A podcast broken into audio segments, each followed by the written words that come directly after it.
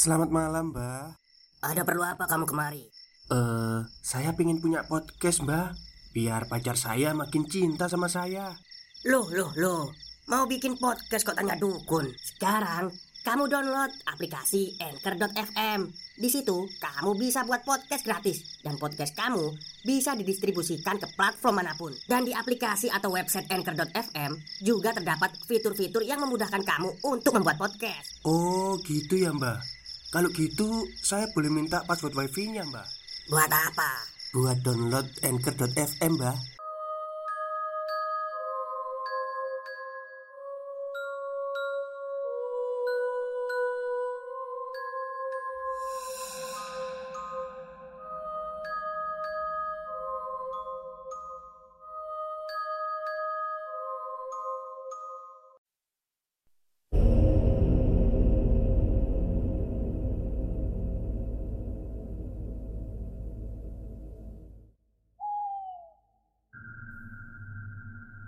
Assalamualaikum warahmatullahi wabarakatuh. Halo semuanya. Jumpa lagi dengan saya Chow Sing Sing Kurator dari podcast Horror Night Story.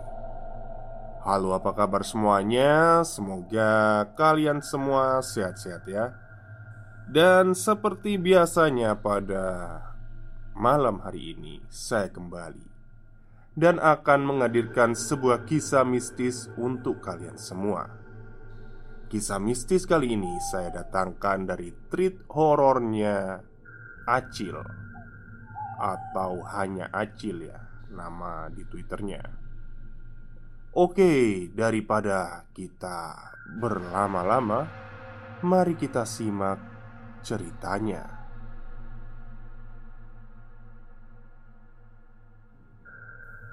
Tepat pada tanggal 19 Februari Rumahku yang dulu telah roboh Rumah itu adalah peninggalan dari mendiang kakek Dan mungkin sudah beberapa puluh tahun berdiri.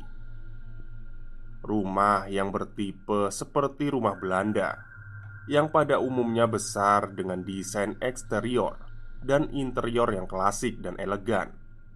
Namun Semenjak anak-anak kakek termasuk ibuku, sudah mulai menjalani kehidupan rumah tangga masing-masing. Rumah itu dibagi menjadi dua bagian. Sebagian untuk keluarga ibuku, dan sebagian lagi untuk keluarga kakak dari ibuku. Entah apa yang dipikirkan saat itu. Yang ku tahu satu rumah menjadi dua rumah yang menempel berhimpitan. Namun, Pintu ruang tengah menuju ruang lainnya tertutup tembok yang memisahkan kedua rumah itu. Sampai pada akhirnya kakek meninggal, rumah itu menjadi milik adik bungsu ibu. Tapi keluargaku harus tetap mendiami rumah itu karena memang tak ada tempat tinggal lain saat itu. Ada kejadian yang mungkin sampai detik ini masih teringat jelas saat di mana pertama kalinya aku bertemu dengan si pincang. Sore itu aku sedang beristirahat di ruang tengah. Sampai sesekali aku melihat jam dinding.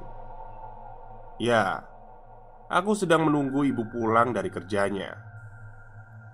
Sudah beberapa jam kutunggu. Namun, ibu masih saja belum pulang Adzan maghrib pun berkumandang. Aku pun beranjak bangun untuk menutup gorden jendela dan pintu. Sebab katanya Jika maghrib sudah tiba, rumah harus ditutup Agar tidak dimasuki oleh jin wanita Yang bernama Ummu Sibyan. Begitu perintah dari keluargaku secara turun-temurun. Setelah kututup semuanya Barulah aku melaksanakan sholat maghrib. Ada sesuatu ganjalan dalam hati yang membuatku merasa tak enak ketika sedang sholat. Tapi ku tepis dengan melanjutkannya secara khusyuk. Selepas sholat berakhir Apa yang menjadi kegelisahanku mulai terasa kuat. Ada suatu dorongan kecil agar keluar dari kamar dan melihat keadaan di ruang tengah. Sebelum beranjak, tiba-tiba ada suatu desisan yang terdengar seperti berada tepat di balik pintu kamar.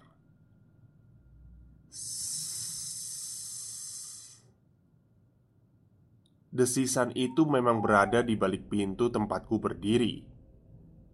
Perlahan kubuka pintu dan sedikit mengintip di sela pintu yang kubuka. Aku periksa atas dan bawah, tapi tak ada sesuatu yang aneh. Lantas, aku keluar dari kamar dan sekali lagi memastikan bahwa yang aku dengar adalah halusinasiku saja. Saat ku tutup pintu kamar dan membalikkan badan, tiba-tiba aku dikagetkan oleh perempuan dengan wajah menyeramkan. Rambutnya terurai acak dan panjang sampai ke pinggangnya. Dia mendekatiku dengan menyeret salah satu kakinya. Ya, Kaki sebelahnya nampak membusuk berwarna keunguan Dan ditambah lagi Banyak belatung yang bersarang di bekas luka kakinya itu Ia terpincang sambil menyeringai menatapku Sontak saja Aku berteriak kencang Dan menutupi wajah dengan telapak tanganku Mencoba membaca doa untuk mengusir setan itu. Namun, sosok itu sudah berada tepat di depanku. Sangat aneh, tak seperti makhluk lain yang mencoba untuk menyerangku, tapi dia seperti ingin berinteraksi denganku. Pengen diem di sini. Suaranya serak dan lirih mengucapkan kalimat itu. Tiba-tiba pintu rumah terbuka. Ibu mengucapkan salam dan memasuki rumah, dan sosok hantu itu sudah lenyap, entah pergi ke mana. Melihat kondisiku yang terduduk di lantai dan menutupi wajah dengan tangan, ibu lantas berlari dan menanyakan apa yang sudah kualami. Memang dari sejak bayi. Katanya aku memiliki kelebihan bisa melihat makhluk goib. Tapi sebagaimana sering pun tetap saja aku ketakutan melihat mereka. Tak ada yang benar-benar bagus wajah bahkan tubuhnya. Mereka banyak yang tak utuh dari tubuhnya, entah bagian apa pun setelah merasa tenang, aku disuruh agar istirahat saja di kamarku. Aku hanya mengangguk saja, menjawab perintah dari ibu. Setelah merebahkan badan di kasur, aku mencoba untuk memejamkan mata agar tertidur. Tapi sudah beberapa saat tak kunjung terlelap. Sosok setan tadi mulai menghantui pikiranku. Ah, sudahlah Nggak usah dipikirin lagi Gumamku Namun Ketika mata akan terlelap Tiba-tiba Desisan itu mulai terdengar. Kini suara itu memang berada dekat. Mataku terbuka lebar Dan jantungku mulai berdetak kencang.